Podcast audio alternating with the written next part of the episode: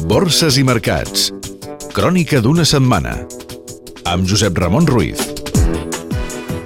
Setmana bursària amb poc moviment, gairebé plana i marcada per la caiguda rècord de la confiança econòmica a l'eurozona, la més gran des del maig de 2010, i pels temors sobre la crisi del deute sobirà a Irlanda, Grècia i Portugal després que l'agència qualificadora Standard Poor's els hi ha retallat el renting creditici.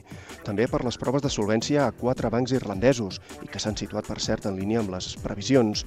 També per la crisi nuclear al Japó, lluny d'estar controlada, i per les revoltes al Pròxim Orient i al nord d'Àfrica amb l'escalada de la violència a Líbia.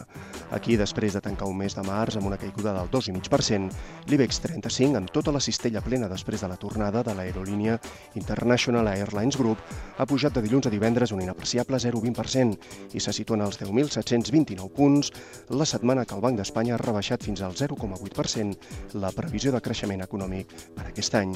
Des de l'1 de gener, el selectiu de referència de la borsa espanyola acumula uns guanys d'un 8,83%. Cotitzades catalanes. Gas natural fenosa. ha tancat a la venda per 200 milions d'euros d'un grup de 400 megawatts de la central de cicle combinat de Plana del Vent, el grup suís Alpic.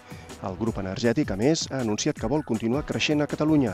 Invertirà aquest any 86 milions d'euros. Avertis. Ha demanat França que intensifiqui l'aposta per la col·laboració público-privada en el desenvolupament i operació d'infraestructures. Vueling. Niafinsa ha venut el seu 4,15% de l'aerolínia de baix cost per 11,78 milions d'euros. Service Point. Preveu millorar fins a un 148% el seu benefici operatiu i fins a un 36% les vendes al 2013. L'euro.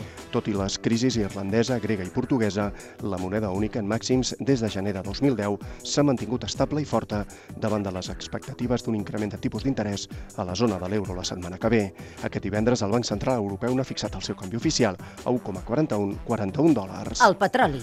Els riscos en el subministrament i la lenta recuperació de l'economia després del trimestre més tèrbol en el mercat del cru des del 2008 han encarit per sobre dels 117 dòlars el preu del futur a un mes del barril de petroli tipus Brent, un preu per sobre dels 100 dòlars barril que, segons l'Agència Internacional de l'Energia, farà obtenir uns beneficis d'un bilió de dòlars l'OPEP, l'Organització de Països Productors de Petroli. Vocabulari financer. Quins són els membres del mercat? Els inversors necessiten intermediaris financers autoritzats per la Comissió del Mercat de Valors per poder accedir al mercat bursari. Un inversor particular no pot posar ordres de compra ni venda directament. Aquesta és la feina de les empreses de serveis d'inversió.